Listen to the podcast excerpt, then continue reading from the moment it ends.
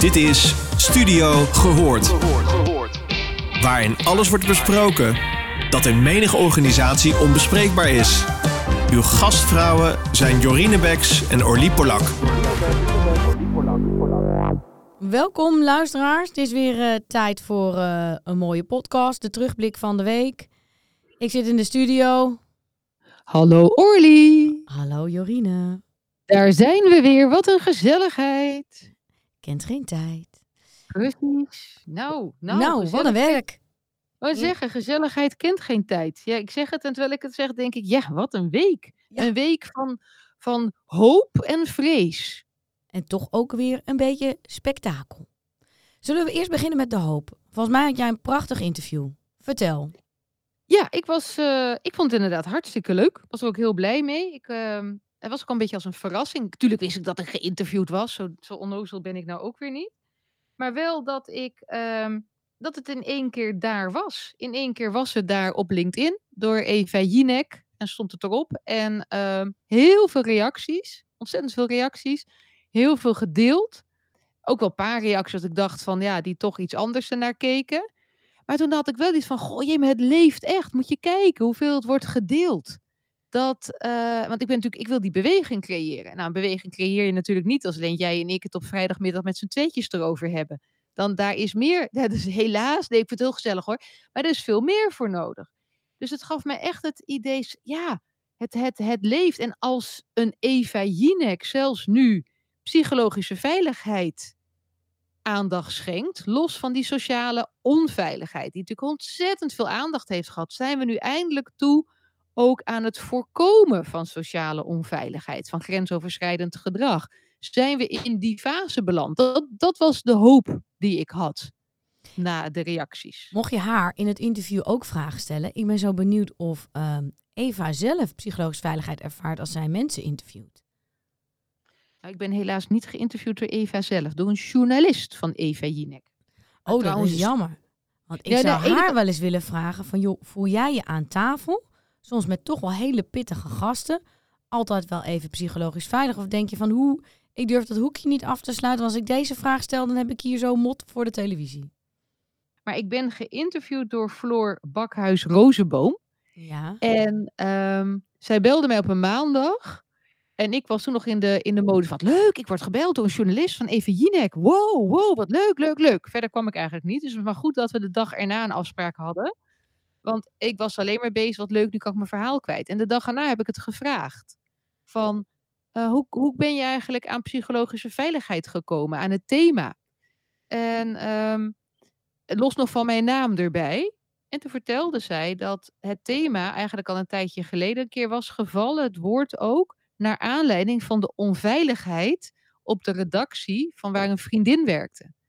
En ehm, ja, dus echt als je gaat kijken van, en, en die heb ik vaker gehoord, ik ben natuurlijk wel vaker geïnterviewd, ik dan hoort, hoor wat er op die redacties gebeurt. En best wel wat eh, onveiligheid. En eh, en, en nu was het weer, werd ze ook getriggerd, ook volgens mij vanuit iets van privé, niet haarzelf, niet met en niet aan werk gerelateerd van haarzelf, maar iets anders. En toen ging ze de term koekelen en toen kwam ze mijn naam tegen. En toen dacht ze, nou, dan bel ik je. Maar dat was wel interessant, van hoe kom je erop? En ik was heel blij, want ik denk dat we, nou, we hebben meer dan een uur gezoomd. Vond ik ook wel fijn dat je elkaar dan ziet in het interview. En, ehm, maar, dit, maar, maar hoe groot het was geworden, dat had ik ook weer niet verwacht. Maar mocht zij Dus- wat delen van wat er op de redactie gebeurde? Heb jij dat aan haar kunnen vragen? Niet de redactie van Eva Jinek hoor. Van Oh. een, van, nee, nee, nee. Van een vriendin van haar. Ehm, dus dat, dat is ergens anders. Maar ik ken de verhalen. Ik bedoel, ik ben er door meerdere, eh, ja, ook wel kranten geïnterviewd. En heb ik het ook wel gehoord. En ik hoor natuurlijk ook de verhalen bij omroepen qua onveilige gevoelens en psychologische onveiligheid. Dus dat, dat is, was op zich niet nieuw. Het is ook overal. Maar wat ik met name, wat, als je weer gaat naar die hoop, ehm, dat ik dacht, oké, het is dus niet meer alleen ik weet ervan, ik praat erover een keer op een borrel of weet ik wat met, je, met een vriendin. Maar dit moet toch wereldkundig worden gemaakt. Nou, wereldkundig, we moeten het bekendmaken. En, en, eh, en ik denk toch, een, een Jinek, Eva Jinek heeft best een heel groot bereik. Dus als je dan uiteindelijk ziet dat het, nou, ik zie het nu net toevallig, denk kijk even, 60 keer is gedeeld.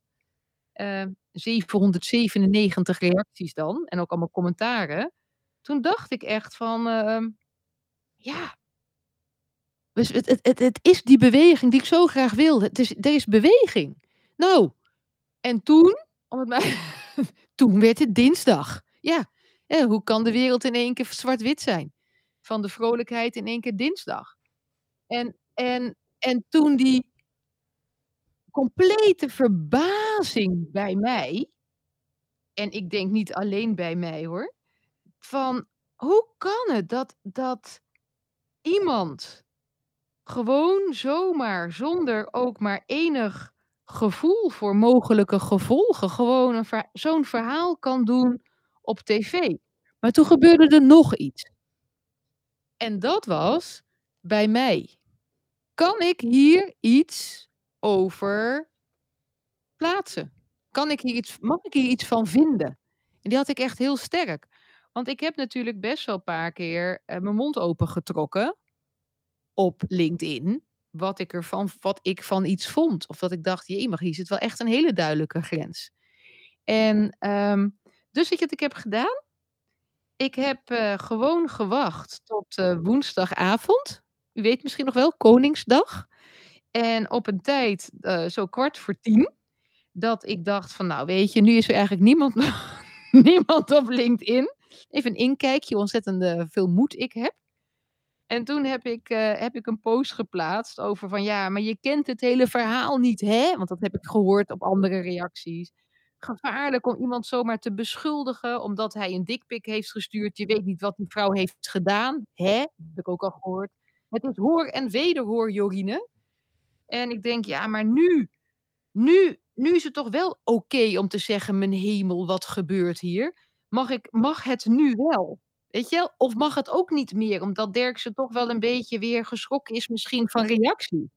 En dat merkte ik dus, wat het dus met mij ook doet. Um, nou ja, dat leidt natuurlijk ook weer tot reacties. Op zich wel, wordt het is wel iets van meer dan 60.000 keer dan bekeken en zo. En heel veel reacties, maar ook weer reacties wat ik toch ook wel ingewikkeld vind. Want inderdaad krijg ik ook reacties van, uh, ja, en, uh, en Kaag dan? denk ik, oké, okay, en Kaag dan? Ik bedoel, uh, D66, volgens mij was daar niet iets met een kaars of zo. Weet je, dat zijn, ja, ik vind het ingewikkeld. Maar die is al weg. Ik denk dat we in Nederland gewoon eigenlijk twee dingen zien. Eén, de tolerantie voor ongewenste omgangsvormen is gewoon aan het minderen. Dat is wel de beweging die, die je ziet. Mensen zeggen er wat van, spreken elkaar erop aan. Um, maar aan de andere kant zie je ook een enorme cancelcultuur. Weet je? Dus uh, er, er gebeurt iets, iemand gaat over de scheef. En de, de default reactie is eigenlijk iemand ontslaan of iemand van de buis afhalen. Um, en wat ze, mensen misschien met hoor en wederhoor bedoelen, is eigenlijk van joh, is er nog ruimte om fouten te maken? Want je, waar ligt de grens? Kijk, op het moment dat je strafrechtelijk bezig bent, dan, dan ligt die grens bij het OM. Laten we dat duidelijk zijn. Maar er zijn ook verhalen uh, bekend nu vanuit de politiek dat de twee mensen gewoon een relatie hadden. Die mensen hadden gewoon een affaire. Ja, is, dat, is dat dan ongewenste omgangsvormen? Of is dat een privé-aangelegenheid? En uh, als je inderdaad vieze foto's stuurt naar iemand, is dat echt wel altijd uit het niets? Of gaat daar eerst een beetje flirten en, en, en, en een beetje hangen in het café na werktijd aan vooraf? Dus ik snap ook wel dat mensen zeggen van joh, we moeten ook opletten dat we geen cancelcultuur hebben. We hadden die veilige, uh, weet je, die vertrouwenspersonen hier laatst in de, in de podcast. Die helemaal zeggen, ja, mensen zijn onwijs verkrampt. Dus die komen een melding maken. En, en voordat je weet wat er aan de hand is, is, is, is de meneer, vaak gaat om meneren, is eigenlijk al op non-actief gesteld. En dan blijkt die bij nader uh, onderzoek eigenlijk gewoon een relatie met die mevrouw te hebben. En dan ben je je aan het mengen in een privéruzie.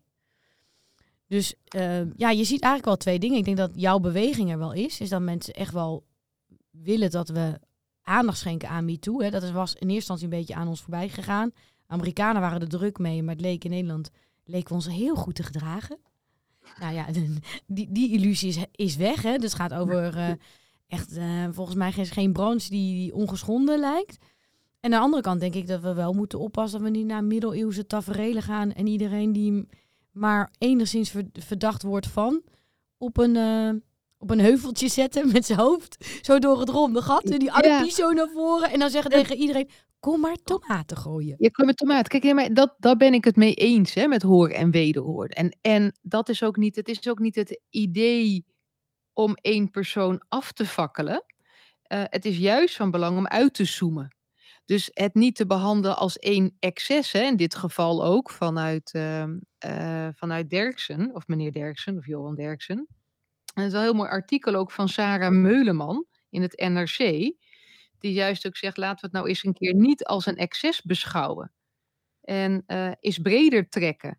Van wat maakt nu dat zo iemand denkt hè, dat je zoiets gewoon primetime op televisie kunt vertellen? Zonder dat je hem direct gaat veroordelen waar die als persoon, maar meer het, het breder trekken als systeem. Van wat gebeurt er? En dan krijg je verandering. Het is echter altijd wel met die verandering. Hè, uh, ik zeg eens voor de grap, weet je, een man, een plan en een drama. Dan krijg je verandering. Er is iets waardoor dus er in één keer een ander gesprek gevoerd wordt. En uh, wat ik bedoel is niet als zijnde de man, maar dit is, dit is toch, het was voor mij echt, maar dit kan toch echt niet. Hier mag ik toch wel echt van vinden dat, dat dit niet kan. Mag ik, mag ik het vinden? En dat gaat dan niet eens over, ik, ik schrijf helemaal niet stukjes van, ben jij een vreselijk, wat is dat voor vreselijke klootzak of zo? Helemaal niet. Maar meer van, is dit nou de grens? En gaan we die grens stellen als, ook als systeem, als, uh, als talpa? Dat valt toch onder talpa, terwijl ik het zeg, denk Ja. ik, is toch zo? Ja. Ja. Weet je, hoe, hoe ga je daarmee om? Hoe gaan we om met grenzen stellen? En daar we natuurlijk net dat hele mooie gesprek met die gemeentesecretaris ook. Die ook zei van ja, maar grensoverschrijdend gedrag is grensoverschrijdend gedrag. Dus voor mij staat eh, deze, dit, deze situatie eh, niet los van meer situaties. Het is, ja, het is breder. Ik denk dat de grens nog lang niet gesteld is. Want de discussie moet eigenlijk gaan over het morele kompas van tv. En ik denk Exact. dat tv dat morele kompas al heel lang kwijt is. We hebben eh, programma's gehad die al van de buis zijn afgehaald. Hè. Volgens mij was dat Love Island of zo. Waar mensen zoveel dranken werden... Oh ja, Temptation. Ja, ik kijk het niet. Maar waarbij mensen zoveel alcohol kregen... dat ze dingen deden waar ze generaties later nog spijt van krijgen. Waarbij Ja. we... Een Johan Derks is niet de eerste keer dat hij helemaal over de schreef gaat. Het is Tuurlijk echt de...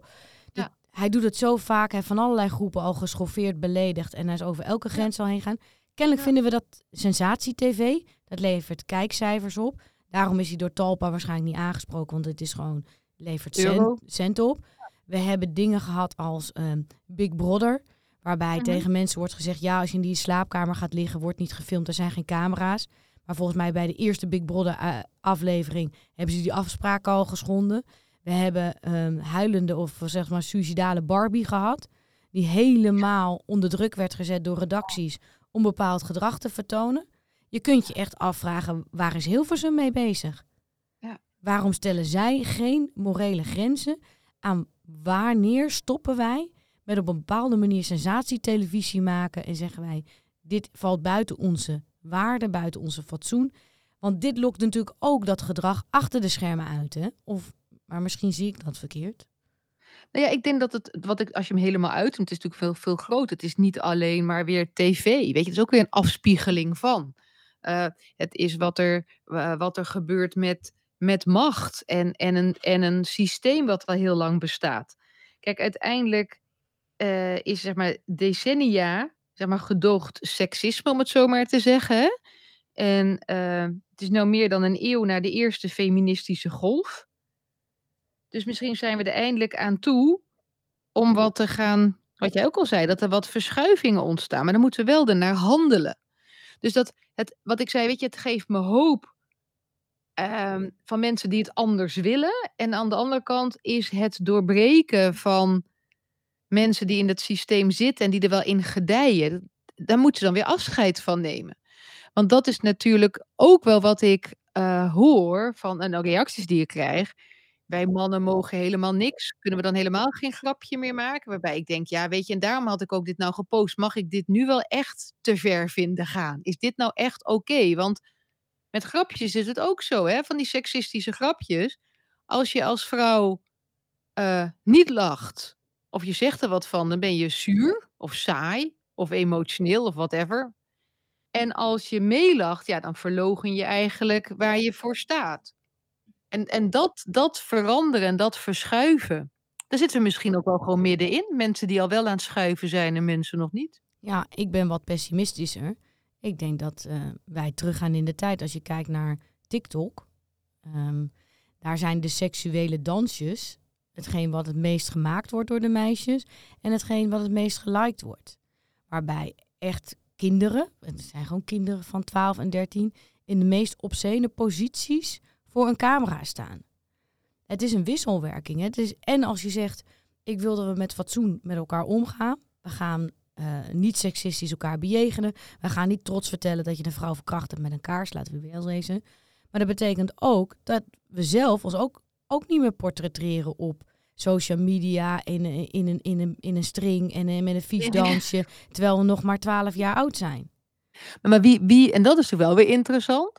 Want wie wie, ma hoe, wie maakt dan dat zo'n, in dit geval denk ik dat het een meisje is, misschien ook wel een jongen, dat hij op die manier zo gaat dansen. En dan krijg je natuurlijk ook nog weer helemaal social media, maar ook de muziekindustrie en de teksten die we allemaal kennelijk normaal vinden. Maar ook bijvoorbeeld, uh, er was op de radio de top zoveel, weet ik wat, van de beste nummers. En dan mocht je dan uh, het nummer doorgeven die je graag wilde luisteren. Nou, de hele tijd kwam Marco Borsato voorbij. Terwijl ik dacht dat, dat ze die niet meer zouden laten horen. Maar ja, dat zijn ook mensen die denken, ja, maar ik heb een heel leuk gevoel bij een liedje van Marco Borsato. Ik heb een herinnering. Dus weet je, dat, die wil ik graag horen. Dus ook welke keus maak je daarin? En, en waar doe je dan afstand van? En wat verlies je door iets los te laten? En, en dat is volgens mij misschien wel in alles. Want de zeven vinkjes waar we het al over hebben gehad, is ook zoiets. Weet je, het loslaten van ruimte aan een ander geven betekent dat je zelf minder ruimte hebt. Maar misschien missen wij de spruitjes. En is dat wat je wel ziet? Is dat het tegengeluid van de wens om meer fatsoen, fijnere omgangsvormen, meer respect voor elkaar en voor elkaars ja, vertrekpunt, uh, etniciteit, geloof, uh, seksen, gender, noem het maar op. Ook als tegenwicht van wat je nu ziet in social media en op tv. Waarbij hoe je eruit ziet, laten we eerlijk zijn, en hoe je seksueel gedraagt, hetgeen is wat de likes oplevert en hetgeen wat de kijkcijfers oplevert. Het zijn twee krachten die eigenlijk met elkaar, uh, ja, lijkt wel in een soort visuele polemiek zijn. Om het even zo ingewikkeld te noemen. Het, ja, maar het is misschien een beetje het yin en yang. En, en wat is de juiste balans? Misschien zijn we wel terug aan het gaan. Dat kan toch wel ook, hè? Naar een soort een hardere tegengeluid, een harder uiterste, wat jij ook zegt, naar rechts en het harder uiterste naar links. Extremistische, ja, weet je, we kunnen hem nog weer breder trekken, van wat het elkaar dan uitlokt of elkaar dan triggert qua actie-reactie. Dus ook als je een emotie hebt, als je ergens heel verontwaardig over bent en je komt met die emotie binnen, ja, is de kans groot dat die ander ook met eenzelfde grote emotie, maar misschien totaal de andere kant weer tegen je ingaat. Maar dan, dan ben ik toch wel weer dat ik denk, oké, maar we hebben het er nu wel over. Dus ik merk aan mezelf, ook al zeg je, ik heb een pessimistische beeld, dan denk ik toch, oké, ik heb een dochter, ze is bijna negen. Ik zorg in ieder geval voor dat zij niet als twaalf, ik ga heel erg mijn best doen, dat zij niet als twaalfjarige in een string voor de TikTok staat. Dat ze niet denkt dat dat, dat, dat maakt dat ze een leuker leven gaat hebben. Uh, maar we hebben het er nu wel over. Dus dat, dat vind ik het positieve, want dat werd eerst ook gezegd, ja, Weet je, uh, wat is dan moeilijk doen? Ik zei, nou, nu hebben we het erover. Eerst was het er ook, hadden we het er niet over. Nu hebben we het erover. En dat is niet fijn, dat leidt tot ongemak. Maar zonder ongemak geen gebak, hè? Um, dus daar moeten we doorheen. Dus misschien is dat ook wel gewoon de fase waar we in zitten. En de vraag is, wat waardeer je? Wat waardeer je als mens? Hè? Is een vrouw alleen maar leuk om naar te kijken als ze in de stringetje en een, en een kaarsje aanstaat eh, te wiebelen? Um, of is een vrouw gewoon net als, als een man die gewaardeerd kan worden op de dingen die ze doet, de dingen die ze zegt. Dat betekent ook iets dat je op een andere manier misschien televisie wil maken of een andere manier posts wil maken. En daar gaat die discussie ook over. Hè? Wat vinden we waar, waardevol? En de een vindt dat waardevolle tv, zoals van Johan Derksen. Ik denk, ik denk dat hij denkt, dit levert kijkcijfers op. Dit is smeuige televisie. Dat zegt hij ook in het laatste bericht. Ik ben niet meer van deze tijd. De manier waarop ik televisie maak, past niet meer in de huidige tijdsgeest. En dat, zou wel een waardevolle discussie zijn. Over een beetje misschien prettigere omgangsvormen, fijner beeld. Maar wat je nu zegt, dat is eigenlijk wel ook een beetje van de beweging en waar we, waar we in zitten. En ik geloof ook dat er vooroplopers altijd zijn. Dus je hebt mensen die dus wel hun nek durven uit te steken boven dat maaiveld, een ander geluid durven te laten horen om zo te inspireren. Dat is natuurlijk ook met het hele uh, Martin Luther King. Weet je, dat was ook allemaal niet. Uh, dat, dat is ook een enorme uh, verschuiving van, van werkelijkheden voor mensen. Even, zo, even oordeelvrij, hè, van alle kanten uit.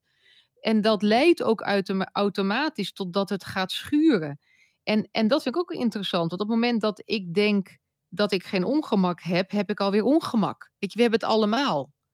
Dus die, en hoe ga je ermee om? En dat is wat ik net ook zei: van ja, weet je, mag ik het nog zeggen? Ja, ik. En daardoor kom ik wel weer terug bij mijn eigen morele kompas. Dus dat kan ook helpen. Hè, door iemand die zo eruit schiet. Wat doet dat met mij? Ga ik het aan? Schrijf ik toch wat op LinkedIn? Wetende dat er tegengeluid komt. Dus, dus hoe trouw blijf je aan je morele kompas? Gewoon blijven schrijven. Als jij denkt dat het niet goed zit en je bent er niet mee eens, dan bespreken we het lekker in deze podcast. En iedereen die graag tegengeluid wil geven, nodigen wij uit voor de dialoog. Ja, dat, dat, dat vind ik ook. En dat vind ik ook wel mooi wat je zegt. Want daar doe ik me stinkende best voor. Ook het tegengeluid eronder, de reacties om daar op een dialoogmanier mee om te gaan. Omdat ik ook echt oprecht nieuwsgierig ben hoe het komt dat iemand doet wat hij doet, zeg maar. En dat kan voorafgaan met een emotie. En dat, ik ben ook maar een mens. Dat je denkt, mijn hemel. En vervolgens, oké, maar wat kunnen we, hoe kun je dit breder trekken? Ja, en dan heb je de dialoog en dan kun je samen leren en hopelijk die beweging creëren. En ik ben inderdaad wel benieuwd Um, als ik dan hoor die sponsoren die zich hebben teruggetrokken. Oké, dat hele programma van de buis. Dus dat had misschien al veel eerder moeten gebeuren. Maar nu gebeurt het. Dus wat vroeger was... Om kwaliteitsredenen. Nee, grapje. Wat zei je? Om kwaliteitsredenen. Ja. Yeah. Beetje, ja. Die, maar die... Uh, elke keer denk ik dan toch, maar het gebeurt nu wel. Kan dit blijven? Maar het was niet. Nee, maar nu gebeurt het wel. Oké, hij had veel eerder had het moeten worden gestopt. Daar ben ik het helemaal mee eens. Maar nu gebeurt het wel. Dus kennelijk gaat het nu anders worden. En zo heb je elke dag is het juiste moment om het goede te doen. En, en dat geeft mij toch hoop. Heel goed. Ga je nog wat leuks doen dit weekend? Nou, ik kan het bijna niet geloven, want het is nu drie over vijf. En morgen zit ik in de auto vol geladen, hopelijk met twee hele blije kinderen. Gaan we weer op avontuur. En we waren al in uh, Euro Disney geweest. En toen zeiden de kinderen, we willen zo graag het Eiffeltoren zien. Toen zei ik, ja, maar nu zijn we in Euro Disney. Dus waar gaan we nu naartoe? Richting Parijs en naar de Eiffeltoren. Helemaal leuk. Ik ga lekker, en jij? Ik ga lekker naar Ajax. Oeh. Uh, ik hoop uh, dat ik daar met heel veel plezier naar een hele mooie wedstrijd kan kijken. En heel veel kan staan en juichen. Um, en daarnaast ga ik lekker werken aan ons boek. Ja, dus dat is echt uh, erg leuk om te doen, inderdaad. En over, over voetbal gesproken, ik zeg het toch even, ik ben niet van de reclame, maar dit is gewoon echt compleet niet commercieel. Dat is gedreven door mijn behoefte aan beweging en leuk samenspelen op het veld. Komende zaad, niet morgen, maar volgende week zaterdag, is die inspiratiemiddag die ik organiseer samen met uh, sportpedagogen, et cetera. Ik kort hoor. En uh, vanaf twee uur bij de Mixed Hockey Club in Leusden. Uh, over hoe kun je nou met elkaar de sport leuker maken? Want het schijnt dus dat jongeren vanaf een jaar of dertien massaal stoppen met sport, omdat ze het gewoon niet leuk vinden. Hoe kunnen we, wat kunnen we anders doen? En in de bio vind je de link. En vind je ook nog meer informatie over waarom de jongeren afhaken. Want daar hebben we ook al een podcast over gehad. En die kun je ook vinden in de podcast hieronder. Yes. Fijn weekend. Doei. Je luisterde naar Studio Gehoord. Vond je dit een leuke podcast? Laat dan een review achter bij jouw favoriete podcastplatform. Tot de volgende!